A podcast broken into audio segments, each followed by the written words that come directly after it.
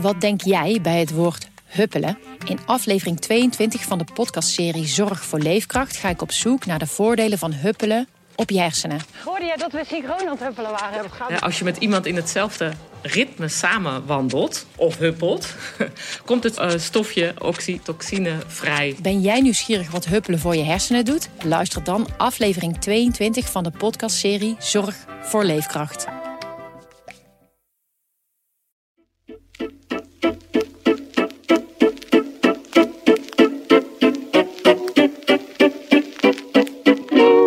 Is Haags half uurtje. Ik ben Christophe Schmid. En samen met mijn collega Wilma Kieskamp, politiek verslaggever bij de krant en Kaag-biograaf, kijken we in deze tweede aflevering verder naar het fenomeen Kaag.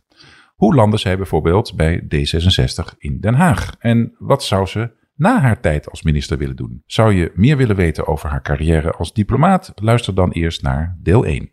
Voor deel 2 gaan we nu meteen de diepte induiken. Wilma, welkom trouwens. Ja, insgelijks. In hoeverre is Sigrid Kaag een D66er? Uh, toen Sigrid Kaag in, uh, uh, nog diplomaat was, heeft zij, um, heeft zij heel duidelijk um, overal aangekondigd dat ze graag overstap wilde maken naar de politiek. En het interessante was dat aanvankelijk niemand haar plaatste bij D66. Uh, ze is zelfs de eerste keer dat ze op een podium ergens stond, was ze uitgenodigd, notabene, door Ernst Hins Ballin van het CDA. Die haar heel interessant vond, omdat hij wist dat ze katholiek was, omdat hij wist dat ze heel druk was met het onderwerp van de, het vluchtelingenvraagstuk. Wat haar toen, wat, waar zij toen als VN-diplomaat uh, mee te maken had.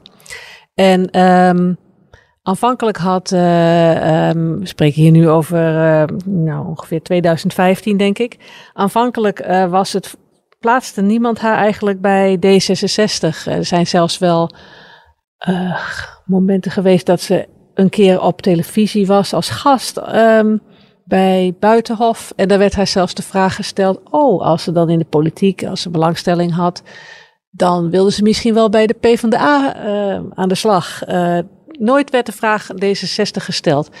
Um, toch is zij wel, um, is wel logisch dat ze bij die partij terecht is gekomen. Zij komt uit de echt D66-nest. Uh, haar vader uh, stemde op die partij en zij heeft als, als jong meisje had ze een, al een fascinatie voor uh, Hans van Mierlo. Ik denk dat er niet heel veel meisjes zijn die op hun, uh, hoe oud zal ze geweest zijn, in, ergens op de middelbare school, uh, samen met een vriendin uh, gingen kijken of ze Hans van Mierlo konden opbellen thuis. Maar dat deed Sigrid Kaag. En dat, dat zegt ook wel iets over hoe, ze, hoe ze met, met dat soort onderwerpen bezig was. Maar dat was toen een beetje puberaal, een soort belletje trekken was dat toch? Ze belde daarop ja, en ja. zei niks. Ja, ja, dan nam Hans van Mierlo op. je kon dan mensen nog gewoon opzoeken in het telefoonboek. Ja. En, Van Mierlo, H-A-F-M-O. Hafmo. Hafmo. Ja, Hafmo.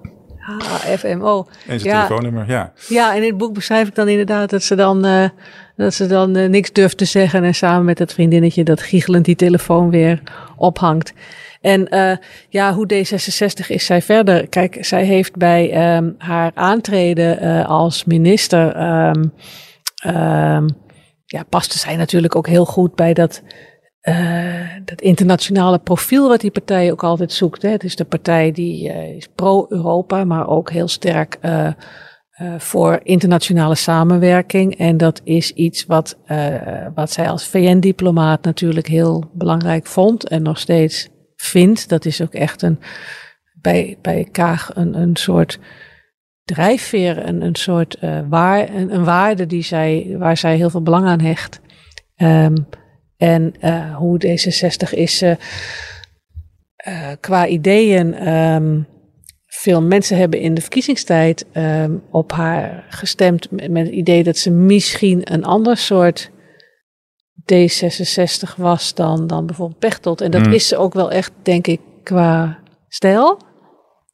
Maar qua ideeën is, is ze gewoon is, ja, echt D66. Ja. En goed, maar de partij was in die jaren ook uh, op zoek naar een opvolger voor Pechtold. Want die had uh, na heel, heel veel jaren D66 omhoog te hebben gebracht. Maar was de partij op zoek naar een opvolger?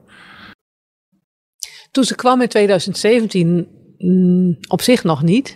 Want ze gingen toen voor het eerst regeren. En, uh, maar dat kwam daarna wel vrij snel in beeld, inderdaad. Ja. Er staat wel een mooie quote van Pechtold uh, in je boek. Uh, toen uh, ter sprake kwam dat Kaag wel eens een grote zou kunnen worden in, in de partij. Toen had Pechtold gezegd van ja, dat is iemand die Nederland als een postzegeltje ziet vanuit haar internationale blik. Zal zij wel kunnen aarden in Den Haag? kan je iets voorstellen bij die twijfel toen? Ja, hij heeft op zich natuurlijk vrij goed toen al ingeschat, Pechtold. Um, dat die overstap naar de politiek uh, voor Sigrid Kaag iets zou zijn van het grote wereldtoneel naar het, het de Haagse stolp. Van de vierkante kilometer waar, waar uh, heel veel partijen zich tot elkaar moeten verhouden en eindeloos uh, de premier aan het sms'en is om iedereen mm. dan weer met een over een geitenpaadje heen te loodsen. En, en, en op zich heeft Pechtold destijds denk ik wel goed um, voor voelt dat dat eh, zekere spanning zal geven. Toen was het moment daar dat Kaag minister werd in uh, Rutte 3. Uh, en zij werd beëdigd bij de koning en toen sprak zij de eed uit. Hè? Zo waarlijk helpen mij God almachtig. Terwijl meestal een D66-minister kiest voor de gelofte als, als niet-gelovige. Toen was er opeens heel veel aandacht voor, voor Kaags geloof. Hoe is dat ontstaan? Ja, Kaag viel natuurlijk wel meteen op, want bij D66, uh, eh, dat is de partij van um, de Paarse kabinetten, de partij die, die ook onder Van Mierlo al een einde wilde maken aan de verzuiling en, en inclusief vooral ook aan de machtspositie van de christendemocratische partijen in Nederland.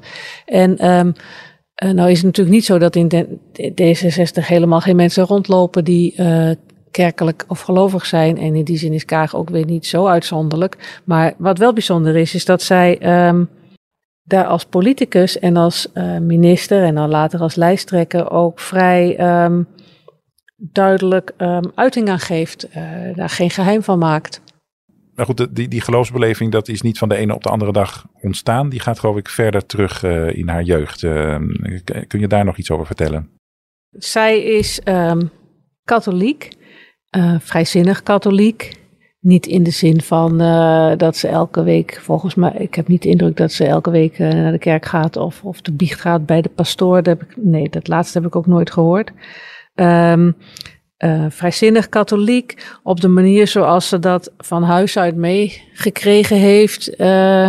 haar moeder was, dan zegt Kaag heeft dan zo'n uitspraak van: Ik ben van biddende aard. Uh, ze mag graag een. Uh, ze heeft, nou, mensen hebben me verteld van dat ze in haar handtas ook altijd een rozenkrans heeft zitten. En um, mijn indruk is ook wel dat. Um, dat hoort ook bij. Het is ook wel een soort erfenis van het, het in het buitenland wonen misschien. dat ze heeft dingen meegenomen uit haar jeugd die ze koestert. Het geloof van haar moeder, het geloof van haar vader die uh, kerkorganist was.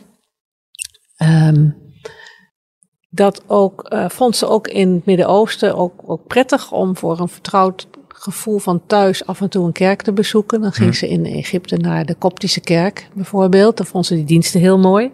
Dat was nog tijdens haar studie. Dus, uh, ja, dat was nog tijdens haar studie. Ze, ze, is ook volgens mij, als je haar, dat haar zo hoort spreken, ook heel um, trots op het feit dat ze een, een, een gezin heeft waar, waarin verschillende religies ieder hun plek hebben. Want zij is dan katholiek. En haar man is uh, ex-moslim. Mm uh, die heeft het geloof juist afgezworen. Ze hebben hun kinderen dan wel, hun kinderen zijn wel gedoopt. Uh, dat vond Kaag ook belangrijk, dat ze wel iets van religie meekregen. Maar die mochten dan vervolgens zelf kiezen hoe ze dat op oudere leeftijd invulden. En um, uh, ze brengt dat ook mee, dat geloof merk je in, um, in, de, in haar werk. Maar niet zozeer dat ze, dat ze daar. Dat is, het is absoluut niet een politicus die op, als, als gelovige in de politiek actief wil zijn. Het is iets privés, zegt Kaag. Dus uh, uh, voor, voor haar persoonlijk. Oké, okay. in het kabinet, hè, daar hebben we nu D66 en de ChristenUnie uh, samen. Uh, met heel veel discussie steeds over medisch-ethische kwesties. Um, is dat nog uh, voor haarzelf een worsteling? dat zij misschien af en toe niet met die partij, die vrij liberaal in dat soort kwesties staat, dat zij daar niet helemaal in meegaat? Of heb je daar nooit iets van gemerkt? In het, in het nieuws lezen we continu dat ChristenUnie en D66 uh, lijnrecht tegenover elkaar staan wat betreft um, voltooid leven, medische ethiek, um, allerlei andere immateriële kwesties. Um, uh, en je zou inderdaad denken van, goh, uh, op een bepaalde manier, Kaag is katholiek en gelovig. Gertjan Segers is christelijk. Goh, die, die moeten, dat, hè, hoe kan dat, hoe, kan dat zo'n grote kloof zijn? Maar anderzijds, um, politiek gezien is er natuurlijk onder christenen in Nederland ook een enorme diversiteit aan politieke um, uh, standpunten. En dat zie je dan bij hun ook terug. Ik heb niet de indruk um, dat ze elkaar. Dat ze ook het zoeken hoe ze als, als ieder als. Ik heb niet de indruk dat het een uh, dat het een rol speelt in hun discussies. Dat ze allebei gelovig zijn. Dat laten ze er allebei buiten. Oké, okay, ze is dus als, uh, als gelovige uh, een beetje een buitenbeentje binnen D66. Uh, en dat woord buitenbeentje valt vaker hè, als je het over haar, als je naar haar carrière kijkt. Binnen de VN heeft ze een aparte route genomen. Ze is ook binnen de Nederlandse regering net iets anders dan, dan iedereen anders. herken jij dat patroon? Ja, ze is natuurlijk ook um, um, heel sterk de buitenstaander die met, uh, naar het binnenhof kijkt, uh, met de blik van uh, waar ben ik beland? Um, wil ik hier wel bij horen? Wat gebeurt hier allemaal? hoe, dat is een positie um, die ze ook wel, die Kaag ook denk ik wel een beetje, waar, waar Kaag een beetje een haat-liefdeverhouding mee heeft. Um, met dat buitenbeentje ja, stigma. Ja, ze, ja.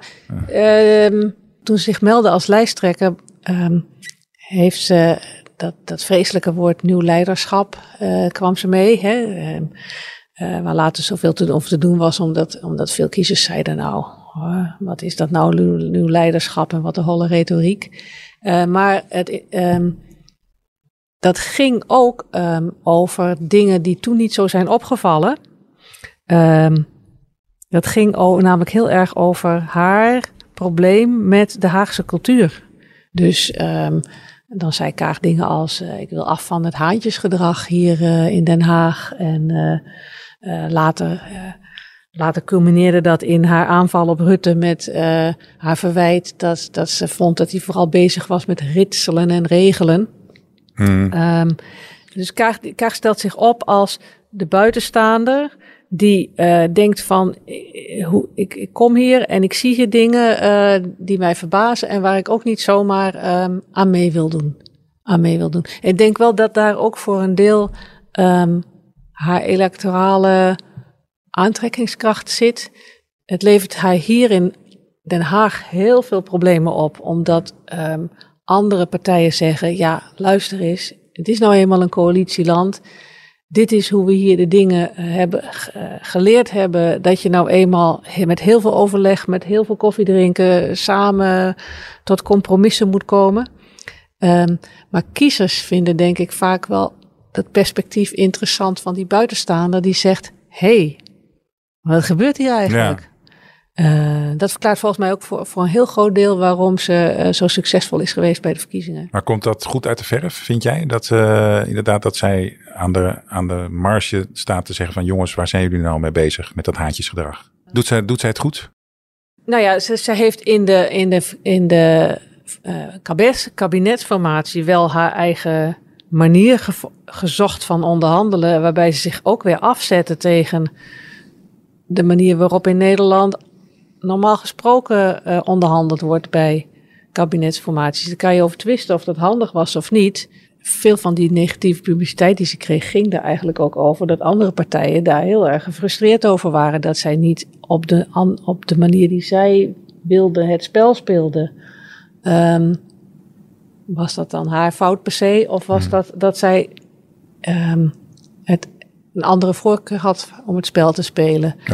Okay. Um, Maar als we even kijken naar haar eerste ministerspost, hè, uh, buitenlandse handel en ontwikkelingssamenwerking. Uh, was dat uh, haar wens of, of had zij misschien een andere voorkeur voor een ministerpost? Ja, zij wilde natuurlijk minister van Buitenlandse Zaken worden, natuurlijk. Ja, je gaat natuurlijk niet um, minister eigenlijk bijvoorbeeld al zeggen: ik wil buitenlandse handel en ontwikkelingssamenwerking. Maar ehm, als je in een kabinet toetreedt, kan je niet elke post die je wilt automatisch krijgen. Dat is ook een spel tussen, of niet een spel, dat is een verdeling tussen partijen. En de VVD kreeg die post en niet D66. ja. Ze is uiteindelijk, dat is wel grappig. Ze is bij heel veel mensen bekend door de dingen die ze gedaan heeft toen ze vervangend minister van Buitenlandse Zaken is. Korte tijd. Maar um, met name die keer dat ze bijvoorbeeld naar um, Iran ging met die hoofddoek op. Hè, daar heeft Geert Wilders het nu nog over. Dat is in totaal drie weken geweest. Mm. Dus achteraf is die vervanging ook wel een uitgelezen kans geweest voor haar om zich te profileren. Ja, uh, er was nog een ander mooi citaat in jouw boek. Ik weet even niet meer wie dat gezegd heeft. Maar uh, toen zij dus naar Nederland kwam en uh, zij had een voorkeur voor het buitenlandse beleid. Toen heeft iemand tegen haar gezegd. Sigrid, pas op, want zodra het over het buitenland gaat in Nederland, is er een rechtse meerderheid. En die is tegen alles wat jij wil. Uh, is, dat, is dat inderdaad een. Ja. Ja, dat was, dat was de campagneleider van D66. Die moest dan uh, op het moment dat zo'n nieuwe ministersploeg dan aantreedt, dan krijgen ze, hebben ze een weekendje en dan worden ze allemaal uh, weekend klaargestoomd in het kennen van het regeerakkoord en het snappen waar de gevoeligheden liggen. En uh, toen is haar ingepeperd van, luister eens, ehm, kijk, zij had als VN-diplomaat scherpe meningen over bijvoorbeeld vluchtelingenbeleid. Um, er is haar wel ingepeperd van, luister eens in Nederland, um, uh, is er in de Tweede Kamer een, een uh, opgeteld aan zetels. Um, als het over buitenland gaat en, en, en, dat soort onderwerpen, is de, is de meerderheid is rechts. En dan moet je al blij zijn met alles wat we in het regeerakkoord hebben kunnen vastleggen. En dan moet je vooral niet proberen daar nog verder mm. aan te gaan morrelen. En daar heeft ze zich uiteindelijk ook wel strak aan gehouden, want... Uh, maar heeft ze zich daarbij neergelegd? Of ja, uh, absoluut. Heb jij, Oké, ja. maar je nou hebt ja, niks van frustratie gemerkt? Nee, nee, dat, dat Sigrid Kaag is heel zakelijk in haar optredens. En iemand die, um, als ze eenmaal uh, een afspraak heeft gemaakt om uh, iets, dat zoiets uitgevoerd moet worden, dan, dan voert ze dat zo uit. Het is niet iemand die halverwege de rit gaat zeggen, ik ga nou eens eventjes opnieuw alles ter discussie stellen als we even nu een hele grote stap maken naar haar tweede ministerschap uh, van nu, uh, mm -hmm. van Financiën. Uh, daar werd ook in het begin een beetje raar tegen aangekeken dat Hoekstra buitenlandse zaken kreeg en zij Financiën. had dat niet andersom gemoeten? Nee, helemaal niet. Dat is, wel, dat is zo, daar heb ik me echt over verbaasd. Um, het is in wezen, um, het zegt ook heel veel, denk ik, dit over hoe er tegen Sigrid Kaag aangekeken wordt. Er is namelijk een ontzettende, is één logica bij uh, kabinetsformaties. Dat is de eerste, de grootste partij levert de premier. De partij die tweede geworden is van het land, als die gaat regeren. En dat was, dat, dat was zo bij D66. Levert eigenlijk sinds jaar en dag de minister van Financiën. En uh, toch ontstond er een soort sfeer van, nee, maar Sigrid Kaag die gaat niet financiën doen. Er was ook een sfeer van, ja, maar dat zal ze wel niet kunnen of dat zal ze wel niet interessant vinden. Maar natuurlijk vond Sigrid Kaag hmm. dat interessant, want het is, ze had wel weer minister van Buitenlandse Zaken kunnen worden. Maar dit is wat ze nu doet als minister van Financiën, is, is een veel centralere rol in het kabinet. Um, is, uh, ja, geeft haar, zij, zij noemt dat zelf dat ze niet alleen de hoeder van de schatkist is, maar ook de hoeder van het regeerakkoord, zoals zegt ze dan zelf. Um, nou, dit, dit geeft haar gewoon veel meer macht. En, en waarom zou zij daar nee tegen zeggen? Nee, nee, financiën is, uh, is uh, inderdaad wat je zegt naar de premier misschien wel de belangrijkste post ja. van het kabinet. Maar er was ja. vooral twijfel omdat in het begin Hoekstra heel veel dingen over financiën zei en Kaag heel veel over buitenlandse zaken. Ja, uh, misschien konden ze nog niet afscheid nee. nemen van, hun van het domein waar ze de laatste jaren dan actief op waren geweest. Oké, okay, oké. Okay. Um, maar goed, uh, er zijn nog heel wat jaartjes voor de boeg voor dit kabinet. Um, maar als we al daar overheen kijken naar de volgende verkiezingen en de positie van Kaag. Uh, hoe, hoe zie jij haar toekomst? Ehm, ik denk, ja, ze heeft daar onlangs zelf nog iets over gezegd. Een beetje een, een, een cryptische zin. Ze werd geïnterviewd door um, een, uh, uh, ja, wat, buitenlands uh, dagblad. Engels. Ja, Bloomberg was het. Bloomberg, ja. ja. Jij stuurde het mij ja, nog. precies. Jij stuurde mij dat toe. En daar kreeg ze aan het eind, viel mij op, kreeg ze ook van die Bloomberg-journalist uh, ook de vraag of ze nog steeds ambities had om uh, premier te worden. En daar had ze een soort Kagiaanse uh, uitspraak dat ze nooit iets uitsloot en dat, dat ze um, altijd op zoek was naar um, ja, um, kansen die bij haar pasten. Even, zo zei ze het niet letterlijk, maar daar kwam het op neer. En daar valt alles onder. Ja, ja. En, en je merkt wel dat momenteel in, wordt er in politiek Den Haag en ook in de media wel heel vaak de vraag opgeworpen van, uh, nou, uh, vindt ze het nog wel leuk? Uh, gaat ze wel door? treedt ze niet misschien af omdat ze het niet leuk vindt?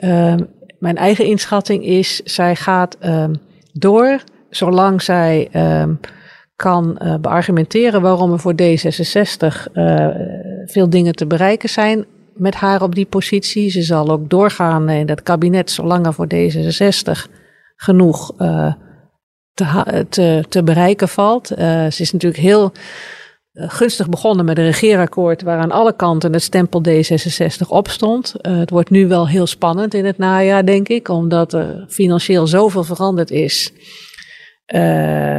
dat, uh, dat moet blijken of ze, of ze al die D66 uh, uh, wensen over investeringen in het onderwijs, klimaatbeleid, um, noem maar op, aanpakken van sociale gelijk, ongelijkheid, of ze dat echt kan gaan realiseren.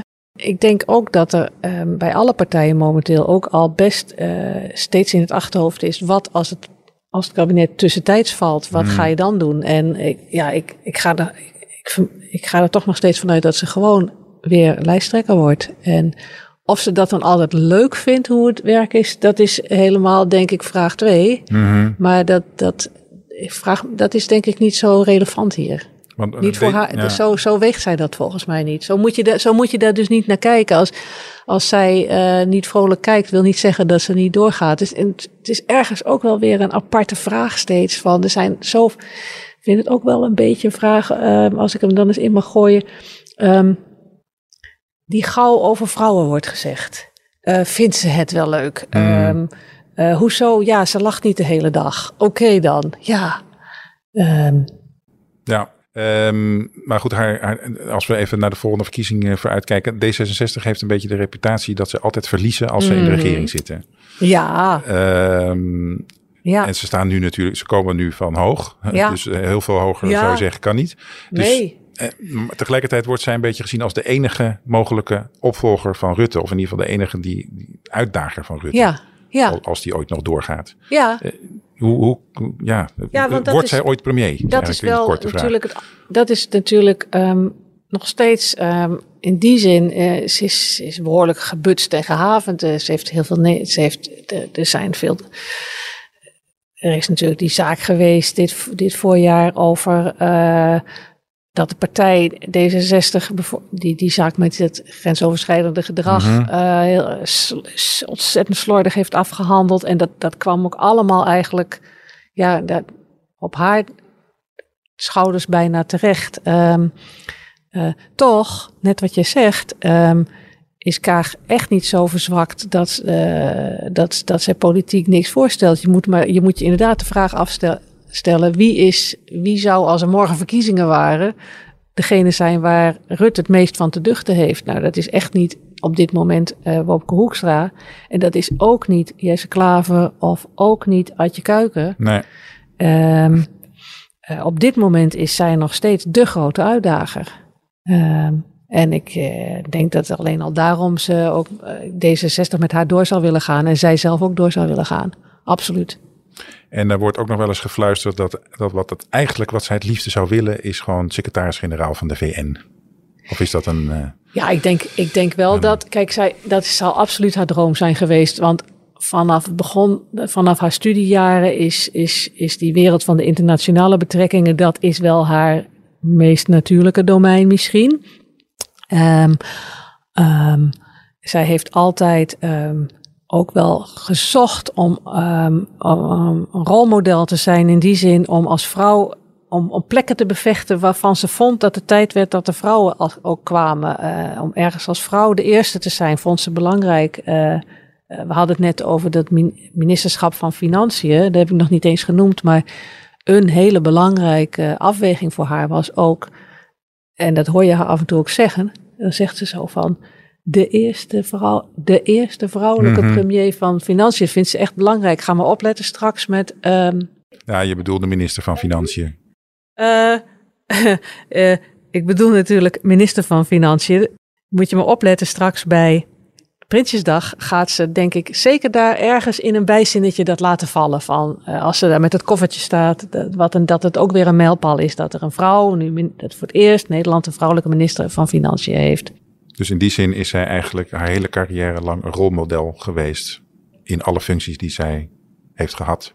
Ja, of ze dat is geweest, dat is natuurlijk weer een. Dat, kan, dat moet iedereen dan weer zelf beoordelen. Maar er was wel een, een streven, denk ik, van haar om, om daar uh, ja, het glazen plafond te doorbreken. Oké. Okay. Er schiet me nog iets anders te binnen, want uh, in 2024 moet er een nieuwe eurocommissaris uh, komen. Zou zij misschien niet ook naar Brussel graag willen? Ja, of Mark Rutte wil naar Brussel. Ja, maar Wat eigenlijk is het, de beurt, het is de beurt aan een D66er, zou je bijna zeggen. Oh, is dat zo? Dat weet jij beter. We hebben tien jaar Nelly Kroes gehad en toen tien jaar Timmermans. Hmm, hmm. Maar goed. nou ja, um, Europese... Europa... Voorzitter, voorzitter, van de Europese Commissie. Oh, dat zou, ze denk, zou ze vast heel interessant vinden. Want uh, een van de redenen ook dat ze minister van Financiën graag wilde worden... was dat het een functie is die ook in Europa uh, haar veel in Europa brengt en haar ook een centrale rol geeft in um, hoe Europa verder gaat. Um, en um, ja, terug naar, ja, en zou er dan nog een vacature komen bij de Verenigde Naties gezocht, uh, secretaris-generaal, hoogste baas? Uh, dan denk ik, ja, dat ze het nog steeds interessant zou vinden, maar dat is een, dat is een loterij waar zoveel landen aan meedoen. En daar is momenteel, um, kan je al uitrekenen dat ze daar eigenlijk kansloos is, denk ik. Want de huidige um, hoogste baas van de VN is. Een Europeaan. Een Europeaan. Dus de volgende is. Geen, geen Europeaan. Zo gaat dat. Ja, dus wij kunnen dat al voorspellen, jongens. Dat gaat hem echt niet worden. Oké Wilma, tot slot, we hebben al heel veel in de toekomst gekeken, maar nog eventjes uh, terug naar, uh, naar uh, jouw boek en de maanden, zo niet jaren dat je daarmee bezig bent geweest. Wat heeft, jij, wat heeft jou nou het meest verbaasd aan Sigrid Kaag, wat je niet achter haar had gezocht? Er is een sfeer bij Kaag dat, dat, dat, je, um, dat er bij haar enorme onthullingen te halen zijn, merk ik. Um, die heb ik niet gedaan. En um, ik heb ook niet het gevoel dat er heel veel, ja, klop het af misschien, maar dat er heel veel geheimen achter zitten. Dat eigenlijk de verrassing of de conclusie misschien eerder voor mezelf was van ja, zodra je haar ziet als gewoon een politicus die gewoon aan het werk is, net zoals je er ook naar andere politici kijkt, dan, dan dan is dat misschien wel weer een veel meer het beeld, beeld wat veel meer zegt dan alle projecties die we nu uh, vaak zien. Van iemand waar allerlei speciale dingen mee zijn of waar alles altijd anders van is. Um, uiteindelijk. Er wordt te, wordt te, veel over haar gefilosofeerd Ik en denk het wel. te veel theoretisch. Ja, ja. Hm. ja. Uiteindelijk um, is het iemand die ook gewoon een beetje aan het ploeteren is in Den Haag. En um, gewoon een uh, vrij klassieke bestuurder is. En um, um, aan het zoeken is wat ze voor haar partij dan kan bereiken. En, en uh, daar wordt misschien ook wel meer op geprojecteerd, inderdaad, aan, hmm. aan bijzondere missies. Geheime agenda's die er niet zijn. Uh, ja. ja Oké. Okay.